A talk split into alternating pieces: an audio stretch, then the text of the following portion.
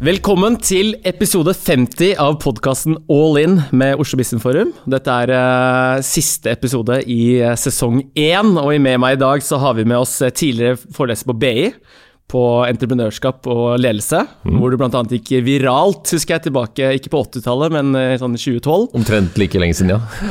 og du har vært uh, var konferansier på første Oslo Business Forum, mm. der du faktisk fikk bedre rating enn uh, sir Alex Ferguson og Barack Obama. Det var en liten fun fact. du har vært styremedlem i Oslo Business Forum. Du er nå rektor i Neste Steg Norge, og nå vår eminente programleder i All In Oslo Business Forum. Velkommen, Tor. Tusen takk, Kristoffer. Hvordan er det å være gjest i eh, sesong, eh, siste episode i sesong én? Det er litt rart. Jeg føler jo nå at det er jeg som skal introdusere deg, eh, så jeg må bare jobbe med å ikke være programleder. Men kan hende jeg overtar litt, da. Ikke sant. Og for de som ikke kjenner meg, så er mitt navn Kristoffer. Jeg er daglig leder og en av to gründere bak Oslo Business Forum, og har fått den æren av å intervjuet Thor om hans uh, lær, læringer, lærdommer, Mine tre fra, fra, fra, sesong én. 50 episoder, Thor. Hvordan syns du det har gått? Det har vært veldig lærerikt. Det har vært mange flinke, spennende gjester, og jeg har lært mye om både ledelse, om kultur, og om innovasjon og perspektiver fra individer, som man jo ikke alltid får tak i når man leser lærebøker, som jeg har vært vant til, og prøver da å formidle læreboksteori til unge forretningsutviklere. Det var jo sånn jeg traff dere, blant annet. Ikke sant? Så det, det, har vært en annen type læring enn det jeg har vært vant til på BI. da. Hvis vi spoler tilbake ett år, så hadde vi mm. jo første, første gjest. Det var Jakob Skram. Det har jeg tenkt mye på. Det... det, var jo en spesiell tid, ikke minst. Han var jo i en spesiell tid, men det har skjedd mye siden uh, den gang òg. Vi hadde jo første intervju i, eh, starten av eh, januar. Vil du fortelle litt om det? Ja, det var et spennende møte med en person som man jo hadde hørt om i media. Jeg hadde aldri møtt Jakob Skram før. Han gjorde et veldig inntrykk. Han var veldig rolig, nærmest en sånn stoisk ro, både i opptaket, men også så har jeg jo fulgt han litt etterpå. Nå har det jo vært veldig stille fra Jakob mediemessig. Sikkert smart å holde seg litt unna nå, men han har jo virkelig stått i den stormen. Men hos oss, når han var gjest i podkasten, så gjorde han et veldig dypt inntrykk på meg som intervjuet han, som en fyr som tåler en trøkk, da, og som har vært ute en vinternatt før. Det er jo det de sier, da. Mm. Men han gjorde et veldig godt inntrykk. Og Temaet for den var episoden var toppleder i eh, krisetider. Ja. Og da, da opplevde jeg at han hadde stått i trøkket. Han har ikke minst har han stått i trøkket de siste tolv månedene også. Ja, men jeg tror han har så ro i seg. at eh, Du vet jo det, Kristoffer, og dere som hører på, når du møter mennesker som har en slags jeg er nærmest som en sånn dieselmotor som er, som er, trygg i seg selv. Og der tror jeg vi har hatt Det er vel Carla Harris som snakker om det er 'comfortable in your own skin'. Og Hvis du klarer å finne den modusen der, så tror jeg du klarer også å, å fordøye ganske mange utfordringer. Så jeg tror at Jakob Skram, når han kommer over dette, kommer til å se tilbake på Norwegian-episoden som en nok en erfaring som leder. Jeg var så heldig at jeg fikk faktisk treffe Jakob i forrige uke, og det tror jeg han eh, faktisk gjør nå, og ser videre fremover. Så det er ikke kult. Eh, men vi har hatt eh, veldig mange spennende gjester, Tor. Har vi. vi. har, for å nevne i fleng, Rune Bjerke, Ståle Solbakken, Morten Hansen, Berkeley-professor. I pysjamasen, faktisk. I pysjamasen. Mm. Vi har hatt med Merete Verven, mm. toppsjef i Visma. Silvia Ceres, Berit Svendsen, Kristin Skogen Lund, Nicolai Tangen osv. osv. Også for dere som ikke har lyttet til eh, flere episoder som lytter på det her nå, så er det bare å spole tilbake og, og høre, for det er veldig mange spennende episoder der ute. Mm. Men eh, du har jo vært med på alle. Hvem har gjort eh, mest inntrykk på deg? Det er Helt umulig spørsmål, men jeg har mange en gang faktisk gått fra opptaket og tenkt eh, For jeg er jo ikke journalist, jeg er jo foreleser. Så jeg har tenkt at jeg skulle hatt noe mer verktøy som journalistene er flinke til. Og når du hører de som er dyktige til intervjuet, så, så klarer de å liksom avdekke nærmest sånn løk for løk. Der har jeg tenkt en del ganger at jeg skulle gjerne hatt muligheten til å grave litt mer, da. Eh, men kanskje den episoden som jeg nok flyter opp mest, sånn ledelsesmessig, så var den korte, men veldig spennende samtalen med Kristin Skogen Lund. Der satt vi jo ute i foajeen i OB Forum, altså Oslo Business Forum, i, i slutten av september, var det vel. Og hun snakket litt om hvordan ledelse og ledere bearbeider dette fra å gå fra å liksom snakke seg selv litt ned, til å bli enda mer ja, opptatt av hva du er god i. Og det har jeg nok tenkt litt på. Jeg er ikke spesielt god til å stille spørsmål, men jeg kan bli enda bedre.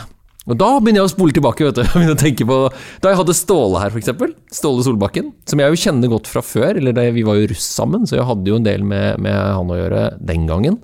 Og han er jo den samme fyren. Eh, og han er jo utrolig dyktig med folk.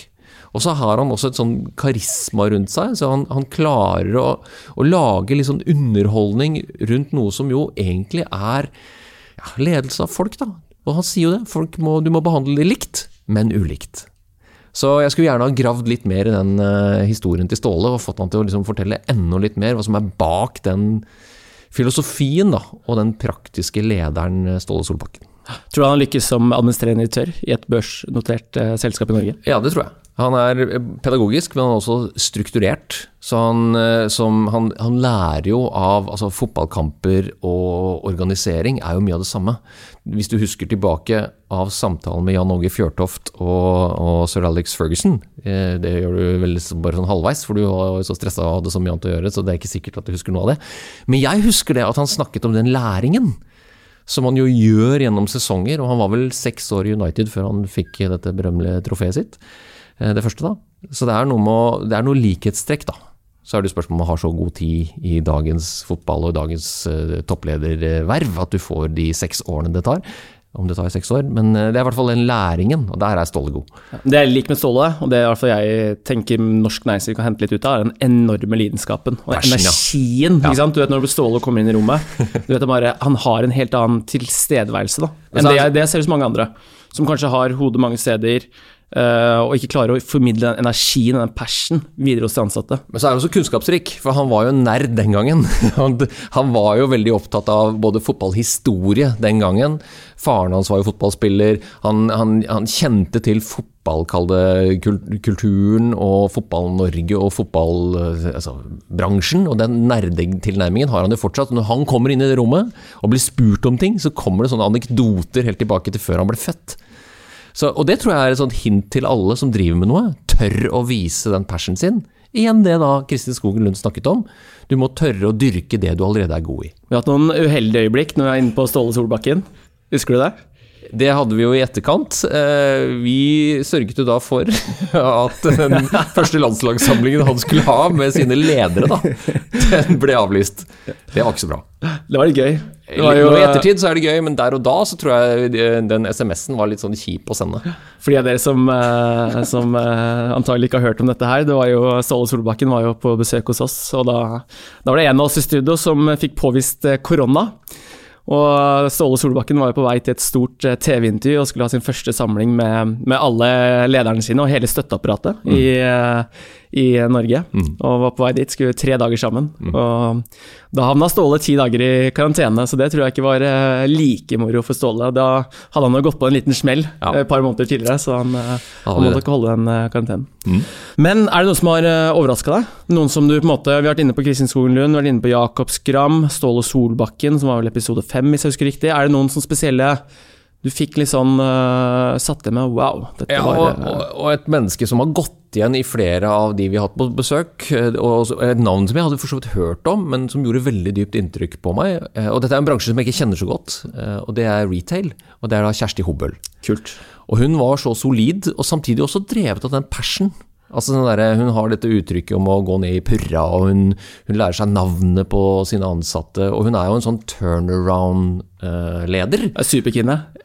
Jeg, jeg, tror ikke hun var så glad over det. Hun er bare hardtarbeidende og har full passion og fokus på folka sine. Og dette har man jo hørt i mange sammenhenger, sant? at ledere som er opptatt av folka sine og får folka til å føle seg vel og sånn, de har større sannsynlighet for å lykkes, men du må, du må, du må mene det fra innsiden. For jeg tror idet du tar på deg det, så kan du være en god retoriker. Men du blir avslørt. Jeg vet ikke helt hva hun gjør, men jeg får en følelse at når, du, når hun er i rommet, ja. så vil du bare ikke skuffe henne. Nei. Hun er sånn dame som du kommer inn, og så bare hun der du, Der gjør du hjemmeleksene dine, for å si det sånn. Der, eh, der står du på morgenen, og så gjør du den eh, jobben du har bedt om, og litt til. Ja, og så, ja, er det liksom det der du vil jobbe for noen, og det er jo det som eh, Det er vel flere som har sagt det i både internasjonal og nasjonal sammenheng, at du, du velger egentlig bare én Du har egentlig ett valg, og det er den som skal være sjefen din. Og de vi har hatt på besøk, Kristoffer, har jo vært sjefer. Så de må også ha tenkt gjennom det mens de har gjort sine karrierevalg. Og hun kom jo fra bank, og hadde ikke noe særlig retail-bakgrunn, annet enn at hun hadde interesse av det. Og den interessen har hun jo overført også på mennesker. Altså hun er god med mennesker. Jeg husker, jeg, husker, jeg la merke til en annen ting med henne. Det var det samme å gå ned i puddingen. Fordi det jeg også er ekstremt beundrer eh, Kjersti Hobel for eh, veldig mye, det er jo den enorme detaljfokus hun er. Ja. Uten at det går over til å bli micromanagement. Og det husker jeg sa til henne også, at du minner meg litt om eh, Det er, sånn, det er jo ganske eh, et vanskelig og sammenligningsgrunnlag, men det minner meg litt om sir Alex Ferguson. Fordi sir Alex Ferguson, og du har historier fra han, da han eh, var manager i Manchester United, hvor han gikk ned og lukta på draktene før kampene. For han skulle sjekke at draktene var godt nok vaska. Og det folket rundt der, eh, hele Manchester United, hele ansatte og alt det der, det de sa, det var at det ble skapt et enormt detaljfokus hos alle ansatte. For de fikk et, de fikk et inntrykk at uh, sir Alex Ferguson han drev ikke med micromanagement, men han brydde seg. Så han brydde seg om hvordan eh, klippet, eh, gresset ble klippa osv. osv. Og, og den følelsen får jeg litt av Kjersti også, for hun går så ned i puddingen, styrer ned på detaljnivå. Og det tror jeg også, i hvert fall det inntrykket jeg har fått, er at de som jobber i nå Nille, jobbet i Kid tidligere osv., de får et enormt eh, fokus da, på å levere. Fordi de vet at Kjersti er der, hun driver ikke med micromanagement, men hun virkelig bryr seg om eh, finishen. Ja, det kommer innenfra. Altså, det er ikke noe hun har eh, øvd seg opp på. for jeg tror hvis du, du kan jo, Dette har jeg jo sett i forhold til litt sånn forenkla indre og ytre motivasjon. Du kan ikle deg en slags falsk motivasjon mot noen måloppnåelser eller noe prestasjonsbasert, men det vil ikke bære deg lenge nok til at du blir blant de beste. Du kommer til å bli veldig god, og du kan repetere sånn at du blir god, men det å påvirke andre mennesker og få andre mennesker til å nærmest overta din passion, da skal du være dedikert, altså. Og det er hun. På en imponerende rolig og tydelig måte. Noen andre episoder som uh, skiller seg ut? Jeg hadde jo gledet meg når jeg skjønte at vi skulle få Alexander Osterwalder på besøk, til å snakke med Osterwalder. Jeg har undervist i Osterwalders rammeverk i, i, mange, mange år. Jeg tror han Helt siden 2009. Jeg tror han skrev doktorgraden sin i åtte. Så det var veldig stas. Og vi snakket jo da om uh, uovervinnelige selskaper, som er den seneste boken hans. Og jeg merket meg spesielt dette her med å utfordre forretningsmodeller og være overskridende ifra bransjefokus. Og det, det, er et spennende tema å snakke med veldig mange ledere om, som jeg gjerne skulle ha hatt muligheten til å gjøre når jeg går tilbake, og stilt det spørsmålet ok, hvem er de utfordrerne i din bransje som kommer fra en annen bransje? Og i hvilken grad utfordrer dere eksisterende kalle bransjedefinisjoner eller siloer, eller hvilket begrep du vil virke, bruke? For der mener jo eh, Osterwalder at konkurransen står, da de som glir over bransjen uten at du merker det, på tjenester eller bøndla produkter og tjenester, eller ikke minst at de går inn og utfordrer noen som tenker på at nei, der kommer Oslo Business Forum, nei, det er vel ikke noen konkurrent for oss, og vips, så kan man overtale. Dere har jo gjort det samme ikke sant, i løpet av pandemien. Dere har testet ut masse digitale eksperimenter. og Jeg har jo vært litt ringside. så Det må jo ha vært spennende for dere også å teste ut den der bransjeglidningen? Absolutt. Men det jeg likte med Ostevall, det var jo sant, første Han har tre punkter for å liksom, hvordan er det man skaper et uovervinnelig selskap. Punkt én innse at du ikke er uovervinnelig. Det er en fin, eh, mm. fin start. Mm. Men, der, men, det som er også Det var jo Nå husker jeg ikke om han gikk gjennom mye på det på podkastepisoden, men i hvert fall på, på foredraget hans på Oslo Business Forum, mm. så gikk han med en ekstremt fin innovasjonsmodell, som jeg vet at veldig mange av deltakerne våre og gjestene våre har fått ekstrem nytte av. Det var til og med en eh, det var til og med en administrerende direktør, uten å nevne navn, som gikk ut, av, uh, gikk ut av, det foredraget. Så tok han tak i meg og sa at uh, du, den investeringen på 300 000 kroner vi har gjort i partnerskap i Oslo Business Forum, den, uh, den betalte tilbake pengene på dette foredraget. For det kommer til å revolusjonere måten å drive innovasjon på. Så det er kult, da. Men han har, en sånn kul innovasjonsmodell som viser faktisk ikke sant, Du kan ikke bare drive innovasjon og gjøre det, men du må sette i et sette i et system. Ja. Eh, fikk du med deg det? Ja da, og dette kjenner vi jo til fra Dette er jo ikke Ostevalders eh, alene, egentlig. Dette er ikke at jeg skal arrestere Ostevalder, men det er veldig mye innovasjonsteater. Og det er veldig mye intraprenørskap som er litt sånn sysselsettingsopplegg. Og så må man jo selvfølgelig kill som darlings. Altså Du kan ikke la folk holde på med innovative greier hvis ikke de har resultater etter kort tid. Jeg tror Osterwalder snakker om sånn tre måneder for de å holde på, og så skal det avstemmes. Og hvis man ikke har muligheten til å fuele det videre, eller lære av det, så skal man slutte. Men det er jo ikke tilfellet. Eh, i, i næringslivet. Og det, og det, er ikke sånn at Norge er så veldig annerledes her, men i Norge så har det vært så gode tider så lenge. Og så ønsker man jo medarbeidere og andre vel, så man holder jo på for lenge. Og det tror jeg er svært viktig å huske på. Fokusere og evaluere, og ikke minst stoppe innovasjonsteatret. Innovasjonsteatret. Nå husker jeg ikke helt, men han nevnte et eksempel fra Bosch, husker jeg. 214 initiativer de satte i gang med, til en gjennomsnitts var det 300 000 kroner eller 3 millioner, husker jeg Ja. ikke helt. Det var 300 000 kroner eller 300 000 euro. Og så holder de på tre måneder, og så dreper de eh, tre fjerde av initiativene. Så kjører de en ny tremånedersperiode hvor de kjører tester, gjør nye tester. Og så endte vel opp med 18 nyvendinger, og det var eh, under 10% i hvert fall. Det er noe sånt, men det du treffer her som man ikke snakket om, det er jo noen kulturelle greier også. For jeg vet at mange store selskaper har jo hatt sånne sandboxing-innovasjonsprosesser gående. Hvor du har mulighet som ansatt til å komme med noen ideer og få litt funding, og så holde på en stund. Og Der har det vært veldig forskjellig. Noen får lov til å holde på et helt år og sitte på siden og, og surre og røre. Og så enten går de tom for funding, eller så ønsker de å ta det med seg ut. Og da blir det som regel dårlig stemning i, i alle de tilfellene. For at enten så ser du at du kan konkurrere med, med forretningsmodellen til mor, morselskapet, og da ønsker du selvfølgelig å ta med deg det ut. Eller så merker du at du blir strupa fordi at du blir for utfordrende. Så det er noen, det er noen, det er noen psykologiske og kulturelle greier her, og det er flere av våre gjester som har vært opptatt av at endring og innovasjon og sånn må komme fra toppen. Ja, det kan du godt si, men du må også slippe løs konkurransen nedenfra.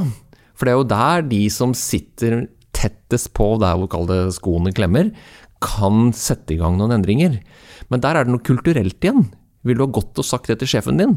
Hvis du visste det at eh, sjefen sa ja takk og hadde gitt det til en annen type prosess, og du ikke fikk være med på det, det kan hende at du holdt kjeft. Nå inne på Ostervalder så har vi jo først og fremst hatt gjester fra, fra vårt kjære land. Ja. Men vi har hatt en del internasjonale gjester også. Alex Ostervalder bl.a. Mannen bak Business Canvas Model. Så har vi hatt med Stefan Grelli, Ja. tidligere sjef i World Economic Forum. Vi har hatt med Giske Kramer, sosialantropolog.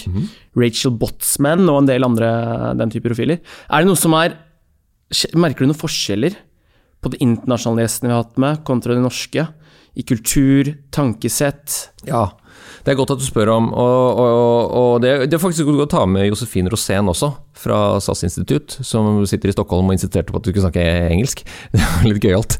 Eh, Men det, det mindsettet deres er litt større. Og det er jo litt faren vår, at vi blir for opptatt av våre egne hjemlige problemer. At vi setter liksom Nå har jo vi vært i en lockdown og vært opptatt av at grensen skal være stengt, eh, men ideer flyter jo rundt. Og utfordringene vi står overfor hensyn til bærekraft og digitalisering og trusselbilder og alt sammen, er jo globale utfordringer. Så det merker jeg helt klart at de er videre i eksemplene sine. Og derav også litt utfordrende for oss, for det betyr at de snakker om ting som vi kontekstuelt ikke helt klarer å henge med på. Det er jo da fristende som nordmann å si at ja, men disse utlendingene får bare holde på, vi må nå først og fremst løse strømkrisa. For det er jo definert som en krise. Eh, Jeg blir ikke overrasket om det kommer en eller annen krise på oss rett før jul. Marsipankrisen eller ostekrisen eller smørkrisen. Bare vent og se. For de nasjonale perspektivene for oss i Norge har blitt ekstremt viktig. Og da har jeg et annet perspektiv til deg. Jeg tror bruttonasjonalprodukt eller, eller nei, ja, bruttonasjonalprodukt i Norge nå er på rundt 16 1600 milliarder. I Finland er det på under 600. I Sverige er det rundt 900. Og de er dobbelt så mange som oss. Så bedre enn dette her kan det antageligvis ikke bli. Og da er det jo farlig at vi blir så navlebeskuende. Blir for høy inflasjon, vet du. Ja, inflasjon, ja, inflasjon kan du spøke med, men den kommer nok ikke herfra. Den kommer til å komme utenfra, og da blir den enda verre. For da går alle prisene opp samtidig. Og så blir vi tatt igjen mye raskere enn det vi tror er mulig. Men jeg er jo så gammel, ikke sant? jeg husker jo at renten var over 14% så for meg er dette her sånn der, ja, what the fuck, sånn, dette har vi visst hele tiden. De skal jo opp. Og jeg er jo 28, så jeg trodde den har vært på under 3 eh, hele tiden. Men du har aldri diskutert noe som helst, har du? Det snakket Hilde Bjørnland og jeg om nå forrige uke, og det var også veldig spennende. Altså, både eh, Andreassen og Bjørnland, altså på egentlig hver sin side av 2021, som, som samfunnsøkonomer, reflekterer over hva det er som skjer i økonomien. Det var også veldig fint. da. Men jeg skal nevne en, noe jeg kom på, når du sa det med forskjeller på kulturelle forskjeller og tankesett fra de internasjonale gjestene våre til, til norske. Og Han har jo ikke hatt med i podkasten, han må jo kanskje invitere eh, igjen, men, eh, eller tilbake. Men eh, Henrik Müller Hansen, ja. administrerende direktør i Gelato, eller Gelato. Tidligere sjef i eh, Telia Norge. Ja. Han er jo svensk, eh, så han er ikke helt norsk, selv om han har bodd her en eh, del år. Men jeg husker da jeg traff han i 2017. Så Jeg husker ikke hvorfor han var der, eller hva som var anledningen. Men Da diskuterte vi om vi skulle gå internasjonalt med OBF. Oslo Business Forum. Og da satt han i rommet og hørte på den diskusjonen. Jeg husker egentlig ikke hvorfor han, eh, han var med på den diskusjonen i det hele tatt. Men da husker jeg han sa til meg at faen, jeg er så drittlei norske selskaper som ikke tenker stort fra dag én, og som tenker at det de gjør, skal ha impact og påvirkning eh, utover norske landegrenser. Og det husker jeg at det fikk jeg faktisk, faktisk meg akkurat den kommentaren der, fikk faktisk meg til å ta ok, padde, vi må gå internasjonalt med Oslo Business Forum. Og, og det har vi aldri angret på øh, den dag i dag. Jeg tror at det satte oss i et førersett at vi skal også nå vi skal nå mange internasjonale deltakere. Nå har pandemien satt litt stopper for det, i hvert fall på fysisk deltakelse. Mm. Men bare, du, bare, det å høre han altså Han er jo en nordmann, men han er jo likevel født i Sverige. Mm. Det var, det var, en liten sånn uh, lest, forskjell. Ja, takk. Og jeg har jo lest eh, en del om Henrik, jeg har aldri møtt han. En, eh, og han har jo sagt mange ganger at det både å rekruttere til Norge, altså internasjonale, kompetente mennesker til Norge, er relativt enkelt. For at det er mange vil hit. Så lenge det er en spennende jobb, og det er andre flinke folk å jobbe sammen med. Og så har han vel også lært opp, han er jo lært opp i den svenske businesstradisjonen. Altså, det er en helt annen type internasjonal orientering fra du, er, fra du kommer inn i business. Mens her er det om å gjøre å skaffe seg et nettverk i Norge. Ja. Du, har jo, du, har jo, Volvo, Spotify Det er noe helt annet. Ja. Altså, de læres opp til å tenke konkurranse internasjonalt, og litt bransjeuavhengig. Mens vi nok søker en trygghet i og med at vi også har hatt suksess, så er jo ikke det så rart. Og så blir man litt sånn uh, navlebeskuende og tenker at uh, vi har det jo veldig bra, og det har vi jo. Jeg bruker av og til å sammenligne med antall utenlandsstudenter som de siste ti årene har gått ned. Det tror man jo ikke på, men det er faktisk sannheten. Og det er for at folk vegrer seg å reise ut, for at de skjønner jo at de har det veldig godt her. Oljepengene, vet du. Ja, men det, Oljepengene har bidratt til veldig mye godt, det. Ja, det, det hadde neppe blitt noe Oslo Business Forum uten, uh, uten, de oljemilliardene som vi har tjent eh, gjennom hele 90-tallet og 2000-tallet. Ikke sant. Ikke sant. Da hadde du vært nødt til å jobbe med noe helt annet, Kiss. Ja, kanskje det hadde vært enda mer etterspørsel. Ja, eller noe annet. uh, skal jeg si noen som jeg, jeg noterte? Ja. Grete Bergli, multikonsult. Ja, utrolig dyktig. Uh, kanskje ikke den uh, topplederen som tar mest plass i, i Det er ikke Ståle Solbakken? Nei, men når du snakker med Grete, så merker du at hun har passion og tydelighet. Og når hun overtok da Multiconsult, riktignok kjente selskapet fra før, det var vel i 2019, så tok hun tak i kjernevirksomheten og salg. De to tingene. Og fokuserte på det, og snudde jo hele selskapet på under et år. Og det er jo et svært selskap. Som, som jo i konkurranse med mange andre flinke konsulentselskaper må passe på teamene sine.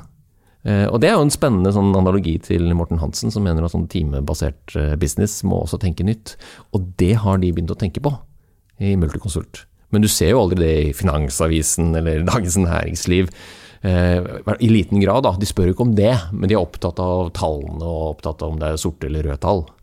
Men, Nei, er, men, men, apropos prissetting, altså, jo, nå, dro du jo, nå dro du over til Morten Hansen eh, brått. Men eh, i episoden her så prater vi om hvordan vi skal endre endre måten vi måler verdi på, mm. og prissette tjenester. Mm.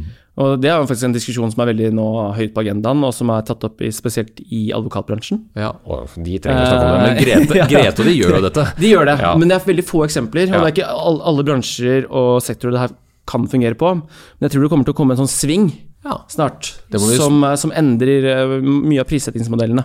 For du ser jo det, ikke sant, Advokatbransjen, la oss si du er en partner og tar 7000 eh, kroner timen, eller hva du tar. Ja, du blir jo belønna for å bruke lengre tid. I, i prinsippet, selvfølgelig. Da, hvis du bruker lang tid på, på noe, så men du har jo det uttrykket 'skrive, skrive time med gaffel', og, og det, det, er, det, er, det ikke så mange av. Men, men, jeg tror at hvis man hadde funnet en prismodell, og det er det som er Grete de eksperimenterer med nå, mm hvor du ikke sant, sier Og det har Morten også har satt uh, eksempler på det tidligere. Så istedenfor at han skal holde et foredrag eller holde en tredagers workshop med en ledergruppe, så spør man ok, hva skal dere oppnå? Og hva, hvor mye gir det av verdi? Og heller ta en del av den kaka. Ja, altså Nå skulle vi jo hatt eh, Sverre her, Tyrhaug fra Thommessen. Da kunne vi hatt en diskusjon om dette. Det er jo lenge siden disse typene skrev eh, time med gaffel. De bruker jo en gravemaskin når de holder på. altså Det er jo en krise. Og det ser du jo også resultatene av, av det de gjør.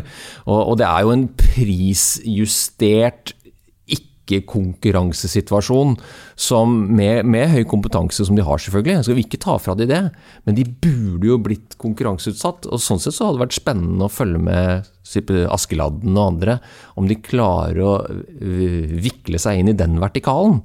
For det er klart Advokatene, og særlig forretningsadvokatene, sitter så tett på pengesekken, altså sitter så tett på eierne at de klarer å diktere den prisen.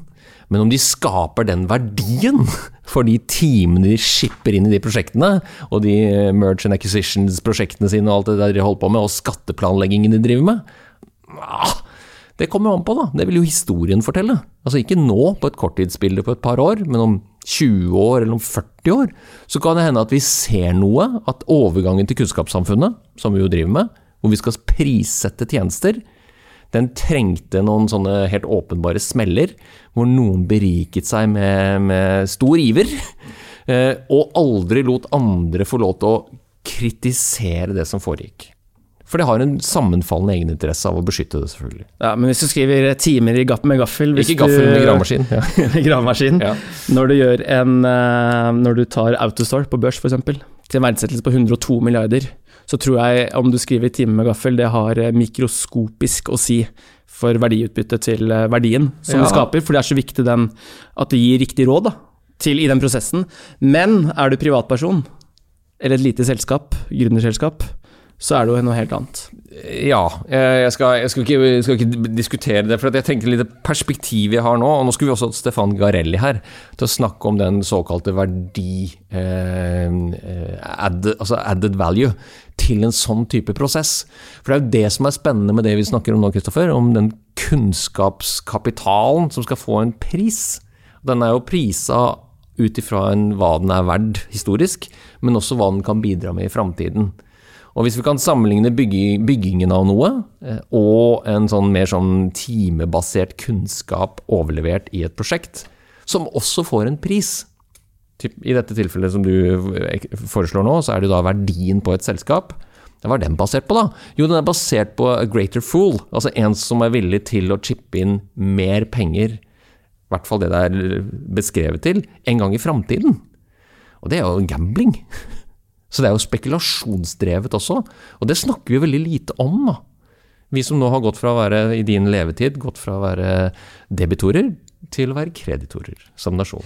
Vi var innom eh, M&A, og det trodde jeg ikke vi skulle touche, touche på i løpet av denne episoden her, for helt ærlig. Men apropos M&A, så er det en annen eh, kunnskapsrik dame som sitter som eh, toppleder i Visma, Ja. Merete Verven. Og de har jo hatt en eventyrlig vekst. Jeg tror det er vel opp mot Jeg tror det nærmer seg 50 oppkjøp i år, ja. De hadde 40, litt, nesten 40 i fjor, tror jeg. Ja. Um, hva fikk du ut av den episoden der?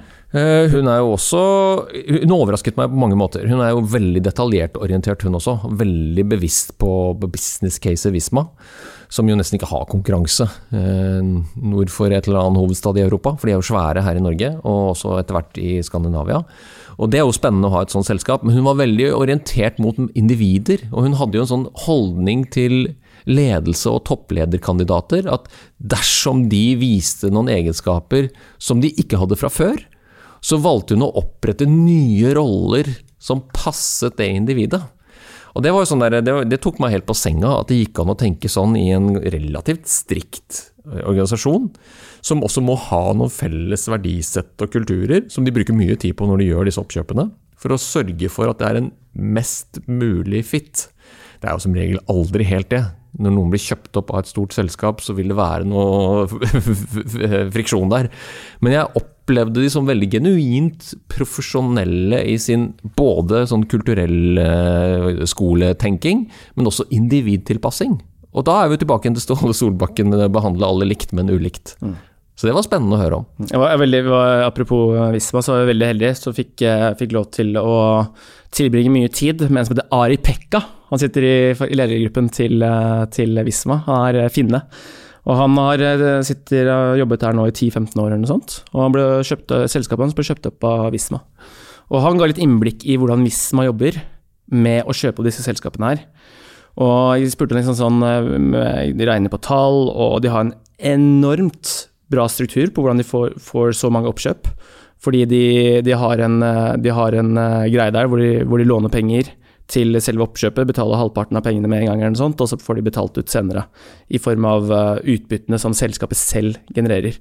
Men det er ikke poenget mitt. Men poenget mitt er um, spurte han også hva, hva det var vanskeligste med å få det inn. Hva sa han da? Kulturen. Ja. At de bruker, det er det som brukes mest tid på. Det er menneskene. Mm. Uh, og det som, det som overraska meg, det var at vi spurte hvor Det var faktisk min eh, medkollega Marius som spurte, da. Hvor mange av oppkjøpene dere gjør, er vellykkede? Vet du hva han svarte? Nei.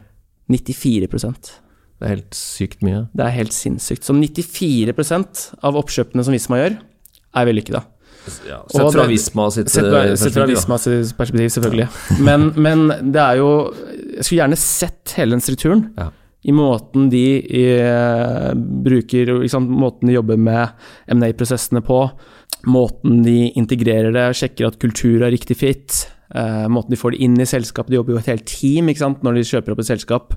Og inkluderer det i, i strukturen osv. Og, og så har de noen sånn must-haves, og så har de noen sånn uh, Dette her kan selskapet selv velge om de vil uh, implementere eller ikke. Jeg noterte meg at når jeg oppsummerte denne episoden, at de ikke bare måler engasjement og har lederskapsindeks og alle sånne type målinger som mange har, men de, har, de definerer seg ikke som en organisasjon, men som en organisme. Og Hvis du klarer å få det inn under huden, at du representerer en organisme, ikke en maskin hvor du skal være tannhjul, eller hvor enheten din du leder eller er en del av, skal liksom operere raskere og raskere. Men en organisme er noe annet. og Det er en annen type fleksibilitet og kall det deltakelse, da. Men du må jo underkaste deg det. Og det er jo ikke sånn at det passer for alle.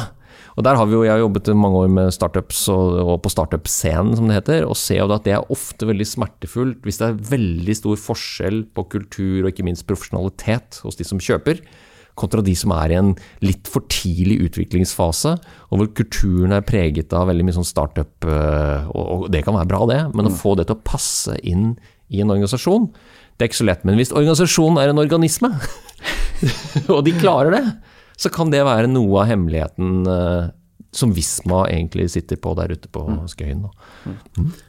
Noe du har angra på? Eh, det, er et par ting jeg kunne tenke meg å gjort bedre. Eh, igjen det innledningsvis jeg snakket om å, å grave litt mer. Og stole litt mer på meg selv. Når jeg hører nå de første opptakene, så syns jeg det er i overkant teatralsk. kan jeg skylde litt på dere og si at vi, prøvde oss fram? Eh, om jeg har angra på det, det Det er jo sånn det er, man må jo prøve seg fram. Eh, men eh, det har jo vært u, altså helt, helt supert å møte disse folkene. Det har det. Så kunne man vært bedre forberedt. Så kunne man jo stilt flere spørsmål. Men eh, angre? Nei. Man må gå videre, Kristoffer. Det er nydelig. Ja. Det er sånn det skal være. Vi har jo hatt noen eh, Hvis du ser på de på en måte liksom sånn, sitter med store trendene, som har vært mye diskutert. Eh, Det er jo bærekraft og, og denne hyperdigitaliseringen som, som, som egentlig ligger der hele tiden. Vi er i denne transformasjonen. Vi har blitt tvangsdigitalisert. Vi, noen syns vi har blitt veldig flinke, for vi klarer å åpne både Teams og Zoom og, og trykke av og på kamera og alt sammen. Vi har så vidt begynt. Uh, og der var jo, der, Det må jeg jo Min tidligere kollega programleder uh, um, nå må jeg bla litt, for det er jo så mange, vet du, Silvia Ceres, som har et veldig spennende perspektiv, eh, og også som treffer meg litt, for jeg er definitivt ikke noe teknologiopportunist. Jeg er Du er historiker. Ja, og jeg syns noen ganger det blir litt sånn mye mas om at alt skal gå så fort og alt skal være så kjapt og det er bare å laste ned noe nytt og så blir alt mye bedre. Det blir det jo sjelden. Men det jo Det sier jo vel så mye om meg. At jeg er litt vrang. Eh, og, og å finne den balansen, det var vi jo innom i flere samtaler, og det tror jeg er vanskelig for ledere. Den balansen mellom kontroll og frihet. Både i forhold til dine ansatte som leder, men også i synet på disse endringene. Når er det du adopterer det? Når er det du tenker at nei, å nei, vi har et system, eller nei, vi har hørt om noen, eller vi har til og med en avdeling som driver med det. Oi, kanskje vi skal outsource det, eller kanskje vi skal insource noe mer? Altså det å finne denne balansen i alt det vi styrer med i livet vårt, det har denne serien med podkaster gitt meg en god del nye tanker om. Og da handler det mest om meg, da. Men det går, I Norge da, så har det vært en sånn digitalisering som har gått, for, for min del i hvert fall, fra mitt perspektiv, enormt sakte. Som har gått sånn litt og litt og litt og litt. Og så har det jo skjedd nå i pandemien, så har det skjedd en sånn sjokk-digitalisering, ikke sant? Ja. Hvor samtlige skal eh, digitalisere, både offentlig og privat. Ja. Eh, og da ser jeg et annet, en annen utfordring, som ikke har blitt eh, tatt opp så mye, men det er jo at det blir jo en enorm kunnskapsmangel. Så det er jo den derre war of talents som det snakkes mye om nå. Så den kampen om talentene. Nå er det jo Snakket med noen nå rett fra et møte her, hvor de snakket om at det var De estimerte at neste år så hadde man 35 000 i underskudd. Man, altså man, man så for seg nå at man mangla 35 000 mennesker i Norge for utviklere osv. innenfor den sektoren, fordi alle skal nå digitalisere seg. Ja, dette er litt farlig, faktisk. For dette er en sånn overskuddsdilemma. Og vi har hørt disse ordene, eh, vi har hørt disse tallene sagt om både lærere og sykepleiere, og, og nå spesialsykepleiere under pandemi. Og, og korttids, korttidshukommelsen vår er så kort at jeg, jeg, frykter jo at dette her er basert på en eller annen idé om at det, ja, det blir mer komplisert, men samtidig så blir det også mer standardisert. Og Det er ekstremt viktig å huske på at de store norske selskapene, og ikke minst de internasjonale, har for lengst lært seg prisen det er ved å utvikle ting selv, kontra det å finne standardisert programvare som passer inn i vertikaler og leveransemodeller. Så du må ha mer fokus på hvem du skaper verdi for, og mindre fokus på det at man skal skape en ny ostehøvel som er i 3D og som er en, verdt en milliard, liksom. Så jeg, jeg er nok, jeg synes jeg må ta det med en klype salt, for faren vet du, er at det presser opp pris- og lønnsnivået til helt absurde størrelser i gode tider. Og det er svært gode tider i norsk økonomi nå. Med noen unntak, selvfølgelig, av de som må bli tvunget til å stenge ned og som ikke kan drive virksomheten sin. Men alle andre opplever stort sett bare nedoverbakke og full flyt, som jo er farlig. For det er jo ikke den globale kapitalismen, den gir jo ikke signaler om det. Den skal jo transformeres innen energi, innen hvordan vi samhandler, om hvordan vi klarer å inkorporere bærekraft, og hvordan vi skal dokumentere at vi skal få ned forbruket. Og da kan ikke alle fyre på alle sylindere at vi må ha flere rekrutter, vi må ha flere programmerere, for vi skal bygge den nye maskinen som skal gjøre oss til kjemperike, suksessfulle programmerere. Nei, det er det motsatte. Det er det å tørre å stille de spørsmålene. Hvem er det du skaper verdi for? Og da må man jo stikke seg litt ut. Og hva er sannsynligheten for at du får oppmerksomhet hvis du har en god leveranse, bra forretningsmodell og en tydelig kunde? Ja, da vil kunden kjøpe av deg. Ikke hvor mange du har ansatt for å programmere eller passe på eh, kjerne, kjerneproduktene dine. Nei, skal, jeg, skal jo fjerne papirbunkene til fra 80-tallet. Så det er jo ja, Det tar nok litt tid. De, de er seigliva, vet du. Vi er jo en av verdens største papirprodusenter, vet du, så vi har en egeninteresse i det òg. Det, eh, det, er bra, bra Tor. Vi, jeg, jeg, trodde du skulle si bærekraft og fremtidens arbeidsliv. Mm. Du, sa fremtid, du, sa bærekraft og, og digitalisering, men ja. Eh, det ligger jo litt i, i det òg. Ja, I, I, uh, fremtidens arbeidsliv. Ja, for fremtidens arbeidsliv er jo en konsekvens av at vi innretter oss an, an, annerledes. Det har jeg tenkt på mye, for at du kan ikke sette en label på fremtidens arbeidsliv arbeidsliv. For den blir et uh, Kontinuerlig endret. Ja, og av alt det som skjer nå, helt riktig som du sier. ikke sant? Vi, vi har jo hatt både Tale Sjølsvik og ikke minst Eirik Nordmann Hansen her, med sitt fantastiske perspektiv om denne hyperadopsjonen. Og hans, jeg liker hans begrep veldig godt, at det er litt sånn tut og kjør nå. Og den tut og kjør-greia kan fort bli litt sånn hodeløs. For at du må stille det spørsmålet da. Hvem skaper vi verdi for? Og i Merete Verven sitt perspektiv så er jo det både eierne, men også de ansatte. For å rigge dette så at det blir et bra sted å utvikle seg i, og at man er med på noe som er større enn seg sjæl. Alle disse tingene som kjennetegner morgendagens kunnskapsarbeidere, da, som jo er her nå. Det er ikke noe som kommer om tre år eller ti år, eller som har tatt utdannelse på Nesna, ikke for å være slem med de, men du er nødt til å ta inn over deg fokuset på den kjernen. Hva har dine, vært dine viktigste lærdommer? Vi nærmer oss snart eh, slutten, så jeg vil eh, prøve å runde av litt. Vi skal ja. summere opp med noen, noen punkter, da. Podkastformatet er jo både spennende å jobbe med, men også krevende. For at du må finne balansen der òg, og det må ikke bli for mye babling, som eh, du og jeg er i fare for å gjøre nå. Snakke for lenge, og så blir det intetsigende. Så man holder oppe energien. Det har jeg lært. Men, så, men sånn fra tematikken? Ja, altså, ja. ja, jeg skjønte det. Men det jeg har lært av te tematiske ting som de aller fleste har vært innom, er jo det vi allerede har snakket om. Altså, du må ha fokus nå på bærekraft. Du er nødt til å bygge kulturer som er mer robuste, og, og de gir seg ikke sjøl. Du er nødt til kontinuerlig å jobbe med dette. Eh, og, der er det jo mange som har mange spennende tanker og erfaringer med mye kunnskap, og som har vært ledere, er toppledere, og, og som har sin vinkling på det. Men stort sett så sier de det samme alle sammen. Det, det må være autentisk. Du må ha fokus på resultatene, og så må du ha det litt gøy. Og det er forskjellige måter å vise glede på. Og det er det jeg tar med meg, og jeg blir, har jo alltid opplevd, meg, opplevd, at det å Hvis du klarer å si noe med en form for eh, entusiasme og glede, så får du jo, er det lettere å komme gjennom, da. enn hvis du blir sånn opptatt av at det skal være riktig. Fantastisk. Er du fornøyd? Dette gikk bra, det, Kristoffer. Det var det for eh, sesong én av eh, All In med Oslo Business Forum. Så skal vi i gang med sesong to, så vi tar en liten pause nå. Det blir en Men pause. vi er i gang igjen med konseptutviklingen av en eh, sesong to, så den tipper jeg vil komme i eh, skal vi si, slutten av januar, starten av februar. Vi får eh, avslutte med et fantastisk Donald Trump-sitat, tror jeg. Ja, for det har du. Ja. Det har du forberedt. Ja, og det var jo helt for å skape litt sånn tåkelegging rundt det hele, inklusiv hos dere. Det er da Han appellerte jo pussig nok Jeg trodde aldri jeg skulle sitere Donald Trump. Uh, thank you very much, you're special, and we'll be back in some form. I'll be back. Tusen takk for meg. Hvis du likte denne podkasten, hadde vi satt utrolig stor pris på om du abonnerte og gir oss en tilbakemelding i avspilleren. Spre gjerne ordet videre til andre ledere som er lidenskapelig opptatt av ledelse, strategi og innovasjon. Mitt navn er Tor Haugnes. Sammen er vi all in med Oslo Business Forum.